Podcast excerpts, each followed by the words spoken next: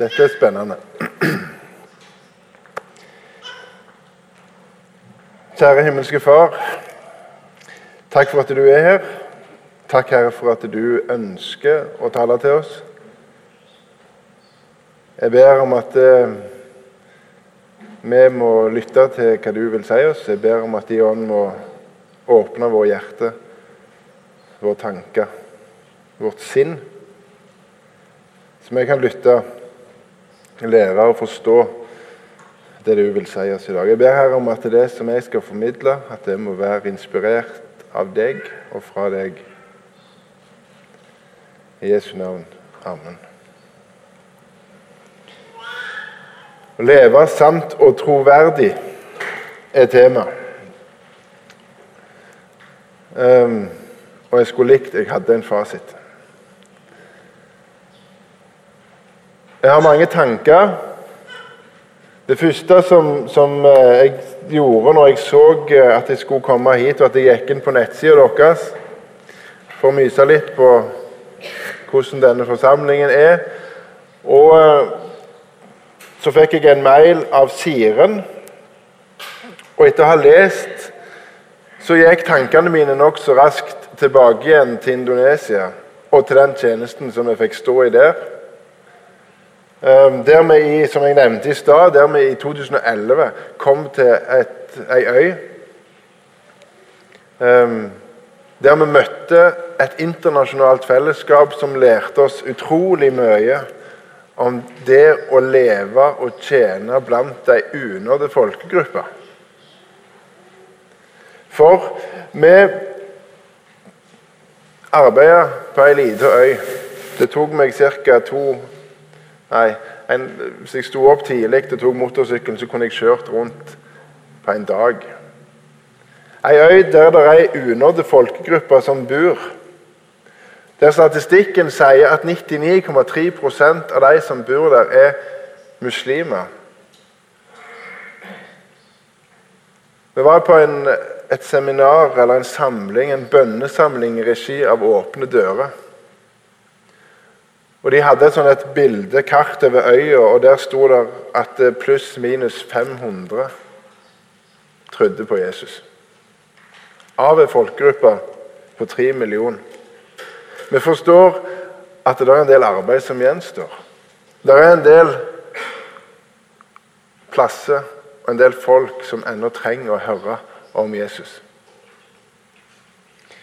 En utfordring i sånne områder, men som òg er en utfordring i Norge, i et samfunn der tro på Gud virker til å ikke være så viktig lenger. eller Sånn framstår det iallfall for meg etter å ha kommet hjem. Hvordan, hvordan skal jeg møte mennesker her? Hvordan, hvordan, skal jeg tenke? Hvordan skal jeg gå fram? Hva skal jeg si? I møte med mennesker som ikke nødvendigvis kassadamer på Rema, som vi møter uansett når vi betaler våre, vår mat. Men òg kassadamer på Rema som vi ønsker å formidle hva vi tror på. Hvordan skal en gå fram? Hva er det som er størst for oss? Hva er det som opptar oss? Hva er det som opptar meg i mitt liv? Hva er, det som er viktig for meg? Familien min er, er rimelig viktig for meg. Jeg, jeg, eh, jeg digger familien min. Og eh, Dere syns kanskje dette er litt subjektivt, men jeg syns jeg har fått den råeste kona dere har sett her oppe i dag. Fantastisk flott kone. Nå har dere bare fått sett den ene av våre fantastiske barn. De opptar meg. Familien min er viktig for meg. Jeg bryr meg om dem. Jeg, jeg ønsker at de skal ha det bra. Så bra de bare kan. Her og nå, men òg for det som ligger foran. Altså, hva som skjer om ikke så lenge har jeg ikke peiling på. framtida, evigheten, er viktig for meg. Evigheten min, evigheten til min familie. Jeg vet ikke om det opptar deg, om det er viktig for deg. Men for meg er evigheten viktig. Det er viktig for meg å se fram imot en evighet sammen med Gud. Og jeg er sikker på at jeg skal få møte Gud når jeg dør. Noen vil si at det er en litt bastante, litt uh, bråkjekk påstand. Men jeg opplever meg helt sikker på at jeg skal få møte Gud. Jo mer jeg leser Bibelen min, jo mer jeg tilbringer tid med Gud, så går det mer og mer opp for meg hvem den trenige Gud er. Og det blir mer og mer viktig for meg å få tilbringe evigheten med Gud. Tilbringe tid sammen med Jesus og se fram imot en evighet med Gud. Denne sikkerheten kommer av at jeg er frelst. Jeg har tatt imot Jesus. Jeg tror at Jesus døde på korset. At han døde for min synd. At han sto opp igjen. At jeg er tilgitt. På grunn av det Jesus gjorde. Jeg er ikke fullkommen, men jeg er tilgitt. I Indonesia så var jeg en del begravelser og til muslimske venner. Og et ord som er hyppig brukt i muslimske begravelser, er 'forhåpentligvis'. Og Imamen, eller den som leder, han sa igjen og igjen og igjen at forhåpentligvis så har den som var død, levd et godt liv, gjort gode nok gjerninger, bedt nok, gjort ting som det var krevd av vedkommende at han skulle gjøre. Og forhåpentligvis så vil vedkommende få komme inn i paradis etter å ha møtt Allah på dommen. For meg er begrepet 'forhåpentligvis' blitt bytta ut med 'selvfølgelig'. Selvfølgelig skal jeg få komme hjem til himmelen. Hvorfor? Hvordan kan jeg være så sikker? Når jeg gikk på Tryggheim for en del år tilbake,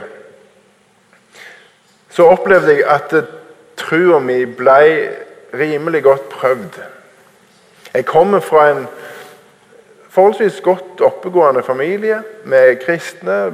Krist, altså, jeg har vokst opp på bedehus. Jeg har, jeg har hørt Guds ord forsynt både på bedehus og hjemme. Jeg er misjonærbarn. Skulle tro det sto veldig godt til. Men jeg opplevde at det var en, som en sånn slags stemme som sa til meg Jørn, du kan glemme å komme til himmelen sånn som du er. Ditt liv, måten du tenker og sier og snakker og, og er, det er ikke sånn Gud vil ha det. Og Så ble det problematisk. For jeg ville til himmelen. Jeg, jeg ville være et Guds barn. Jeg trodde jo at Jesus døde for meg det jeg gjorde, var at jeg fant meg en stille plass. Jeg satte meg ned og jeg ba. Jeg ba til Gud om at det måtte være et rom for meg i himmelen. Jeg måtte få lov å komme hjem en dag. Og så ba jeg om, at, om tilgivelse. For, for, måten jeg levde på, jeg ikke levde på. Så la jeg mitt liv fram for Gud, og så sa jeg sorry. Jeg ønsker å følge deg. Jeg ønsker å være ditt barn. Jeg ønsker å bli brukt av deg. Og så skjedde det noe når jeg sa amen. Tankene om at jeg ikke skulle få komme til himmelen, var vekke. Og Så reiste jeg til Tryggheim. Og Så sprang jeg opp i møtesalen, for det var møte den kvelden. Og så leste taleren fra Johannes 14. La ikke deres hjerte forferdes. Tro på Gud og tro på meg. I min fars hus er det mange rom. Var det ikke slik, da hadde jeg sagt dere det, for jeg går bort for å gjøre i stand et sted for dere. Og når jeg er gått bort og har gjort i stand et sted for dere, kommer jeg igjen og skal ta dere til meg, for at også dere skal være der jeg er. Og dit jeg går, vet dere veien. Thomas sier til ham, Herre, vi vet ikke hvor det går hen, hvordan kan vi da vite veien? Jesus sier til ham, Jeg er veien og sannheten og livet. Ingen kommer til Faderen uten ved meg. Det er et rom i himmelen til det står 'Jørn ut før døra'. Jeg skal få komme til himmelen. Jeg er sikker på det.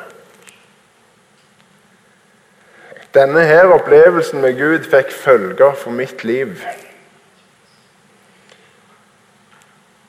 Samme om jeg av og til tenker at jeg har veldig lyst til det, og sikkert gjør det òg, så kan jeg ikke leve bare for meg sjøl. Jeg lever i tro på en Gud som skapte verden. En Gud som dømmer verden. For selv om jeg tror at Gud er kjærlighet, så tror jeg òg at Gud er hellig. Gud tåler ikke synd. Men han viste sin kjærlighet med Jesus.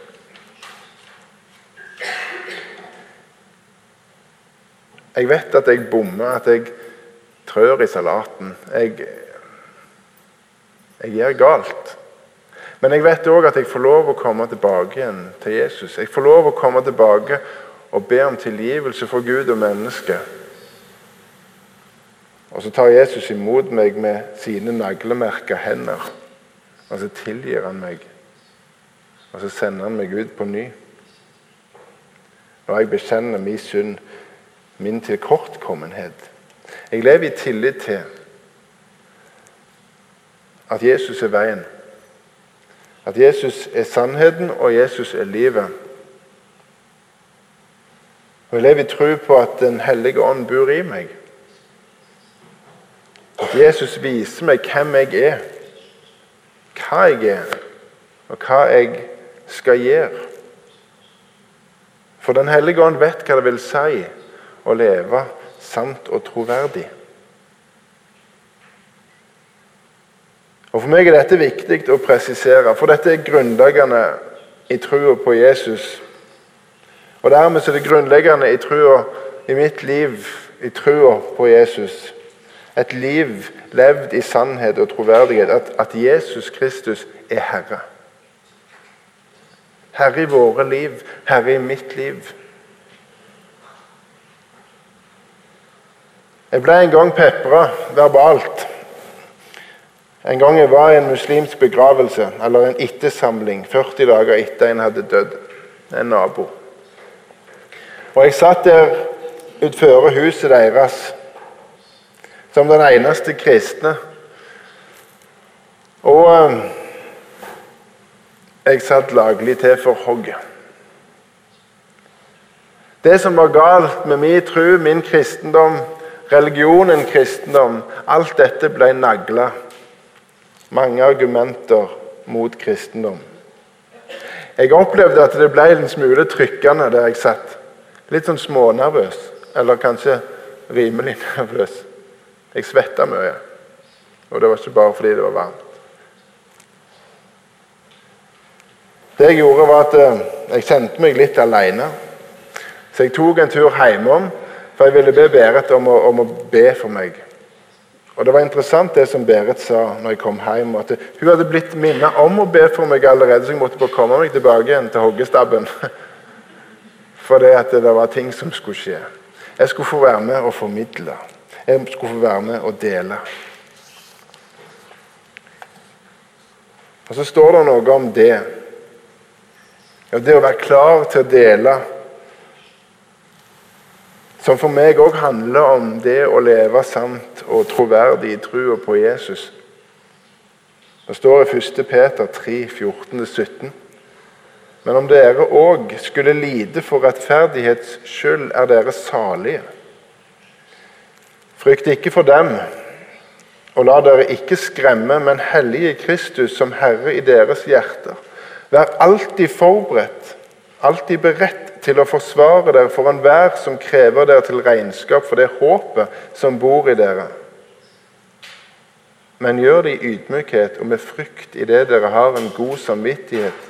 For at de som laster deres gode ferd i Kristus, må bli til skamme idet de baktaler dere for. Som dere var ugjerningsmenn. For det er bedre om så er Guds vilje å lide når en gjør godt, enn når en gjør ondt.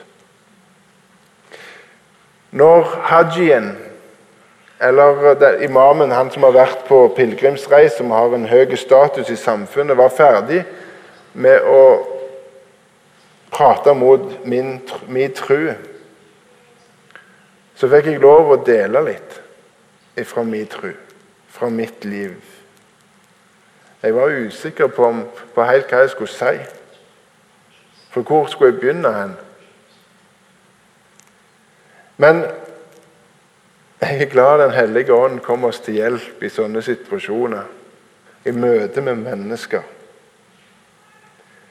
Jeg er veldig glad jeg skal slippe å overbevise noen om noe når det gjelder tro på Jesus.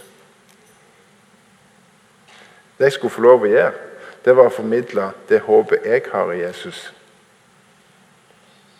Vær alltid beredt til å forsvare dere for enhver som krever dere til regnskap for det håpet som bor i dere.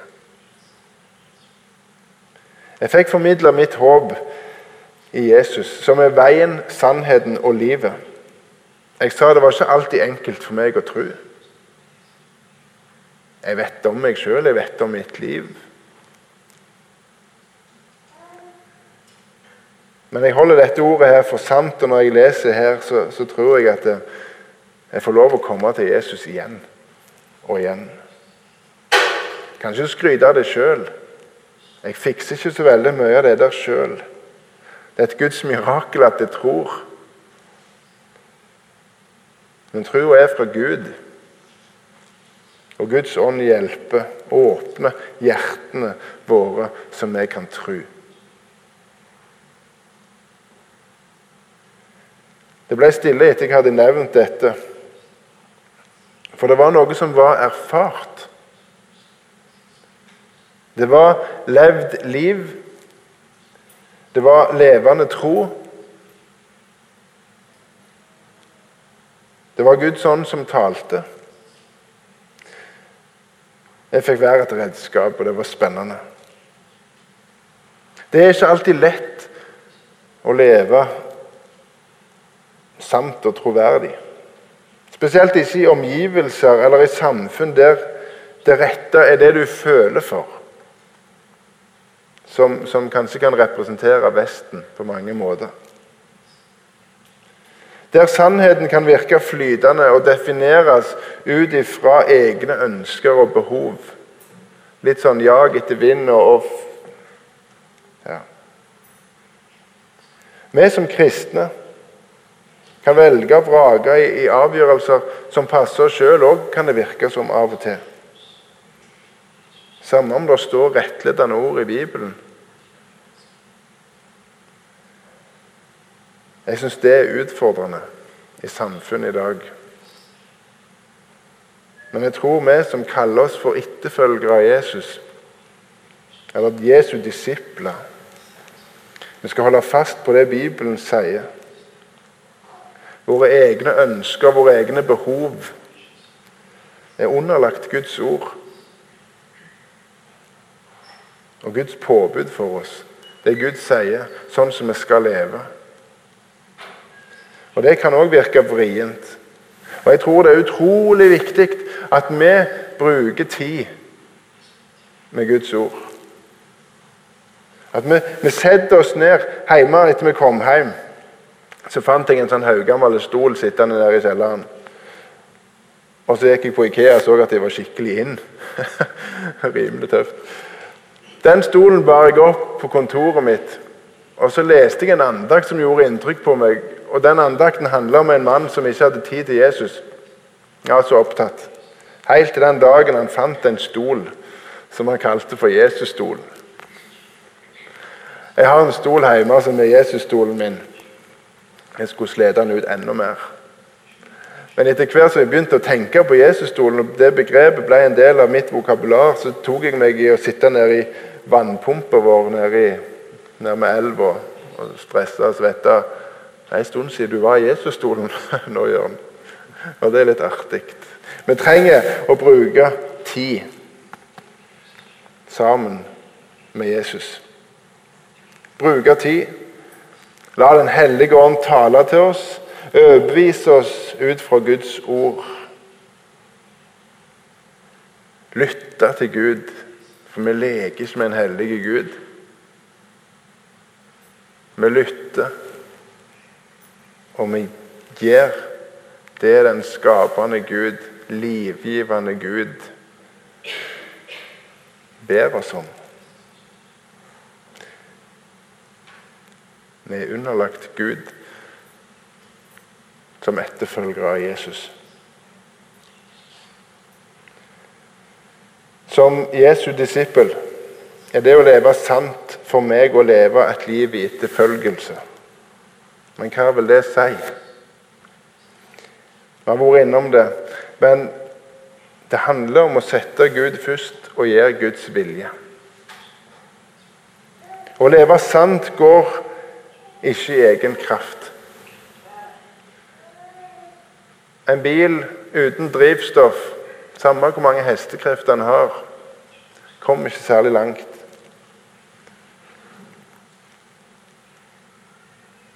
Som en etterfølger av Jesus så trenger jeg påfyll av Guds ord for å leve sant. For, for å få innblikk i hva Gud vil.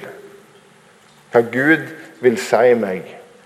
Hvordan Gud vil jeg skal gå fram. Hva som er sant i forhold til Guds ord og Guds ønsker for meg og oss som etterfølgere av Jesus. Vi finner, eller Nøkkelen ligger i Guds ord. Når vi tar til oss næring, så blir vi òg der pekt inn på det andre nøkkelordet i denne her temaet for denne talen, eller dagens møte troverdig. Hva er troverdig? Er det det som kan forklares med vitenskapelige bevis og klart defineres? Det kan bli litt utfordrende i forhold til tro.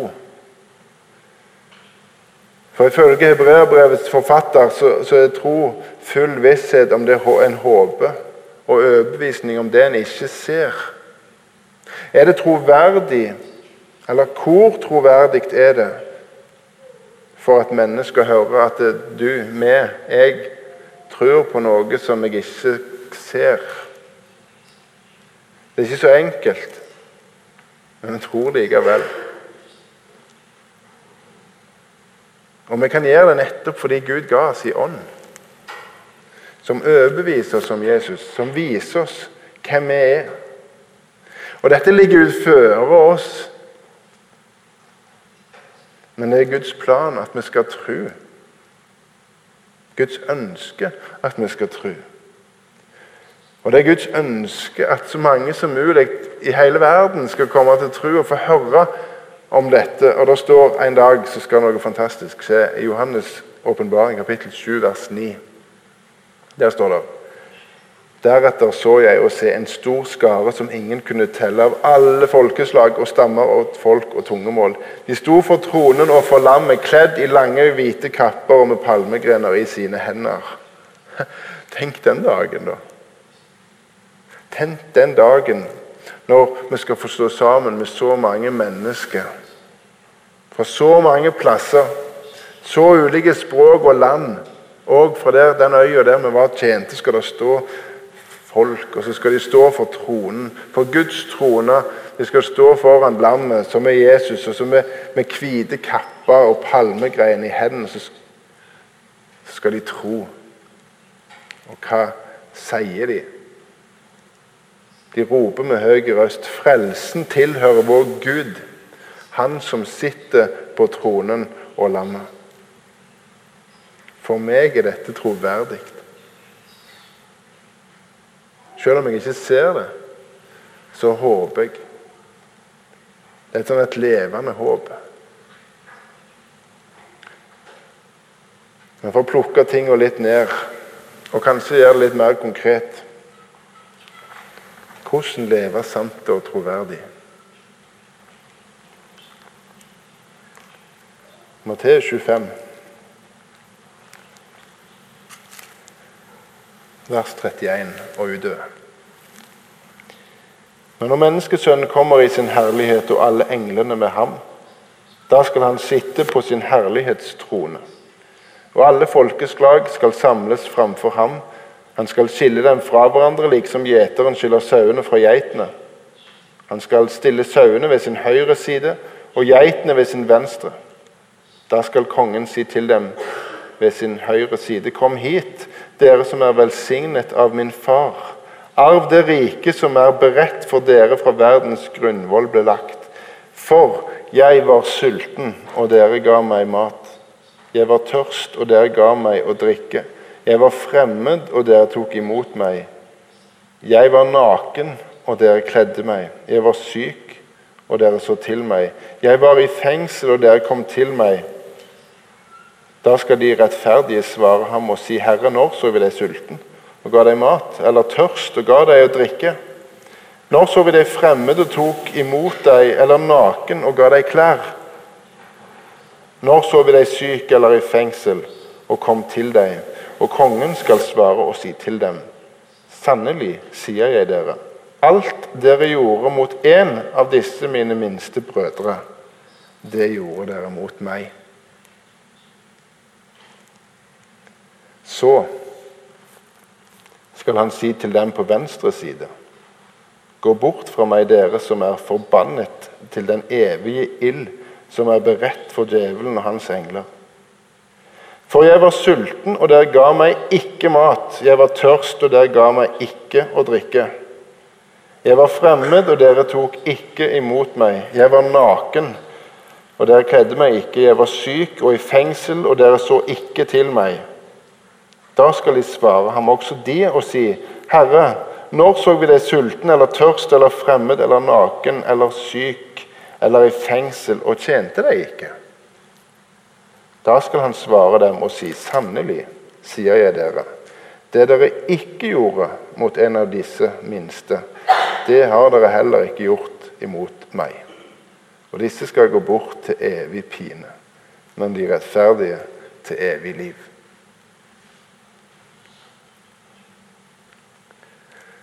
Det er et spennende vers.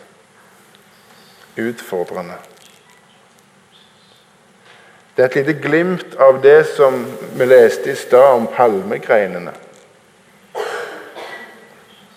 Om den store skaren fra alle folkeslag og nasjoner, stammer og tungemål, som roper at frelsen tilhører vår Gud, Han som sitter på tronen og lammet. Det er dommen det er et bilde på. En dom som alle skal møte uansett. Ingen kan springe fra ham. Og I disse versene i Matteus 25 som, så taler Jesus om hvem som skal få være med i det evige koret som lovpriser Gud. Det står om, om sauer og geiter. Det står om hva det er og hva å leve sant og troverdig. Det står om sult, tørste, om å være fremmed, naken, syk, i fengsel. Det er erfaringer i liv som, som vi kan kjenne oss igjen i på, på ulike måter, eller har hørt om. Det er saker som vi ikke ønsker. Vi ønsker ikke å oppleve sånn. Vi ønsker ikke sult og tørke. Vi ønsker ikke å være fremmede nakne, syke eller i fengsel. Men dette er elementer i levd liv. De rettferdige sier, 'Herre, når så vi deg sulten, tyst eller fremmed, naken, syk og i fengsel, og kom til deg?' Svaret syns jeg er tankevekkende. Alt dere gjorde mot én av disse mine minste brødre, det gjorde dere mot meg. De på venstre side, geitene, får høre den samme lista fra livet. Men de hadde ikke brydd seg. De ble dømt. Å tenke gode tanker for eh, den som er sulten, er fint. Men det hjelper svært lite på en mage som rumler. Å tenke på de som tørster. Hver gang jeg dypper kroppen min i bekken når jeg er på tur med hunden, gjør ingenting med deres tørst. Å stå her på dette podiet og si at jeg er en disippel eller en etterfølger av Jesus, hjelper fint lite om jeg ikke holder meg nær til Jesus og lever og gjør det Jesus sier. Følger hans vilje for mitt liv. Følger hans kall. At jeg faktisk er en disippel. Sier det som er sant. Lever troverdig. Å leve sant og troverdig er utfordrende og til tider vanskelig. Men når Jesus sendte ut sine disipler, som, som gikk ut og gjorde nye disipler Som gjorde nye disipler, og som gjorde disipler helt fram til vi fikk høre om det her i Norge Så sa Jesus at 'jeg er med dere alle dager' inn til verdens ende. Uansett hvor vanskelig det er å leve sant, leve troverdig, så skal vi òg der få lov å be om at Jesus skal være med oss, og Jesus vil være med. Når vi ønsker, og når vi går ut og lever troverdige liv i tro på Jesus. Mye mer kunne vært sagt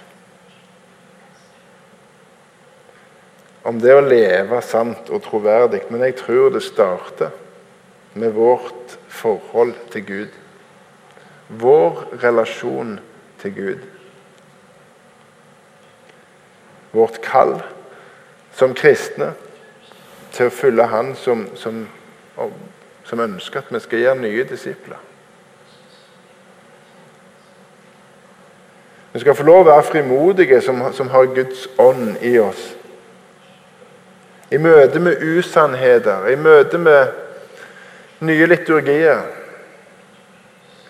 I møte med så mange ting som kolliderer med det som, som vi leser her. Vi skal få lov å være troverdige og si hva vi tror er sant, og stå for det. Og Det kan oppleves tungt og vanskelig. Men Paulus han sa det alt maktig i Han som gjør meg sterk. Det er noe som, som ligger utføre oss, som er med og gir oss en boost.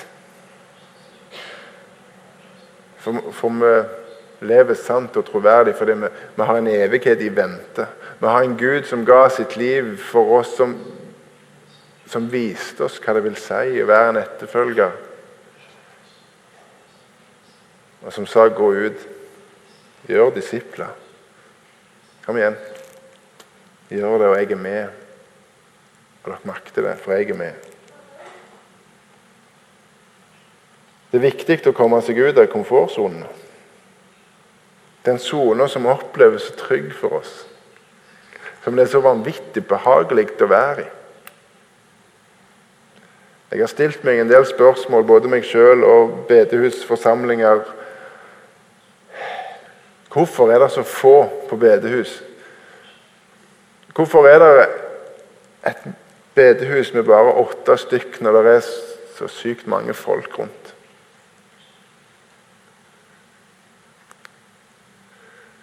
Jeg, jeg utfordres vanvittig av den type ting. I dalen der jeg bor Naboen min Jeg har en oppgave med å være et, en disippel, leve sant, fortelle sannheten, leve troverdig. Men det er vanvittig komfortabelt å sitte inne.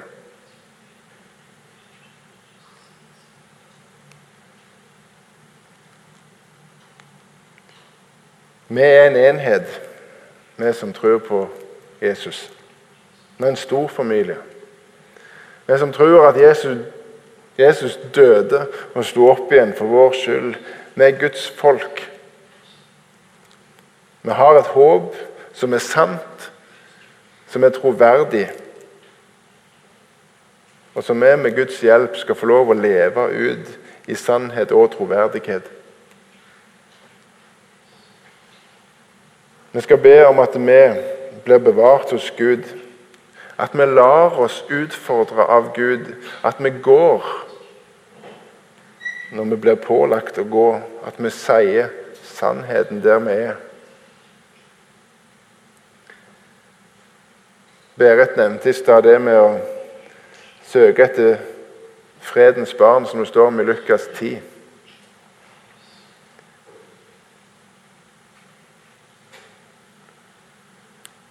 Vi fikk spørsmål svært ofte og vi hadde barn. Indonesere er veldig glad i barn. Og jeg kunne svart ja, jeg har tre. Og det hadde vært sant. Men så, så, ble det sånn at vi ville heller si ja, Gud har velsigna oss med tre barn.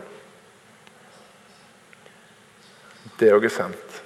Og det pekte på hva jeg tror. At jeg har tro på noe som er utfører meg sjøl. Og det var underlig. Den første gang jeg gjorde dette, sa dette, blandte Gud inn i samtalen. Det var til en kelner på en kafé. Og Så snudde han seg og så, så han på meg og sa du tror du på Gud? ja. Det ble ikke noe mer, men jeg fikk stadfestet at jeg har tro på en Gud. Det er noe i meg, en sannhet, som jeg ønsker å presentere, og som jeg ønsker skal være synlig gjennom mitt liv. Vi kan ikke gjøre oss fortjent til himmelen gjennom egne gjerninger strev. Men jeg tror det at lever vi sant, så gjør vi det Jesus befaler oss om å gjøre. Vi går ut og vi er troverdige i det vi formidler sannheten til mennesker. Og så takker vi Gud her i Norge, og med rette, for at vi får være vi får samles på bedehus og i kirker sånn som i dag. Fritt kan sette oss ned og høre Guds ord, vi kan lovprise Gud helt uten å frykte for noen ting. Det er virkelig mye å være glad for. Hushjelpen vår i Indonesia, hun kan ikke det.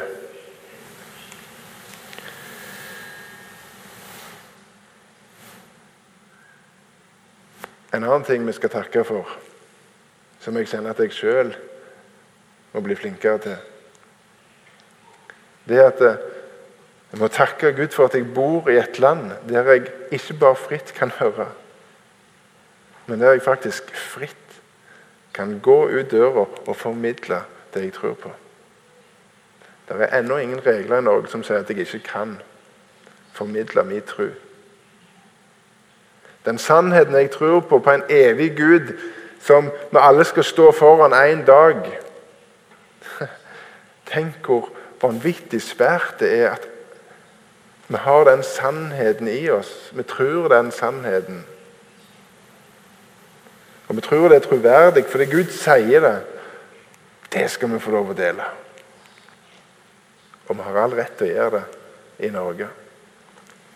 Men det stopper opp med vår egen komfortsone altfor ofte. Vi skal be om at vi må være frimodige. Be om at vi går ut, lever sant og troverdig i et land som virkelig trenger sannhet og troverdige vitner. Himmelske Far, jeg takker deg for at du kom til jord. Du var villig til å komme til jord. Jeg takker deg, Jesus, for at du eh, ga avkall på det å være Gud lik. Du tok en tjenerskikkelse på, på deg når du ble et menneske. Du kom for å tjene, ikke bli tjent. Du tjente helt til døden på korset, Jesus. Og Derfor er ditt navn høyt opphøya over alle navn. Og en dag så skal alle bekjenne at du er Herre, til Gud Faders ære. Jeg takker deg for at du, jeg har fått lov å ta imot deg i mitt liv. At du er sannhet i mitt liv. Jeg ber om din hjelp til å gå ut med den sannheten. At jeg er frelst jeg har en evighet i vente. At jeg går ut og er troverdig i møte med mennesker gjennom å tale sannhet og gjøre sannhet og bry meg og leve et liv i din etterfølgelse. Og Jeg ber Jesus om at du må gi meg frimodighet. Ta vekk menneskefrykt. Jeg takker deg for at vi kan samles her, og jeg ber Jesus om at vi må glede oss over at vi òg kan gå ut herifra og vite at vi har lov å dele hva du har gjort for oss. Dele sannheten. Dele livet. Dele veien, så at andre kan få høre og ta imot. Hjelp oss å leve troverdige liv i møte med befolkningen på Klepp og i Dirdal og andre plasser, Jesus. I ditt navn. Amen.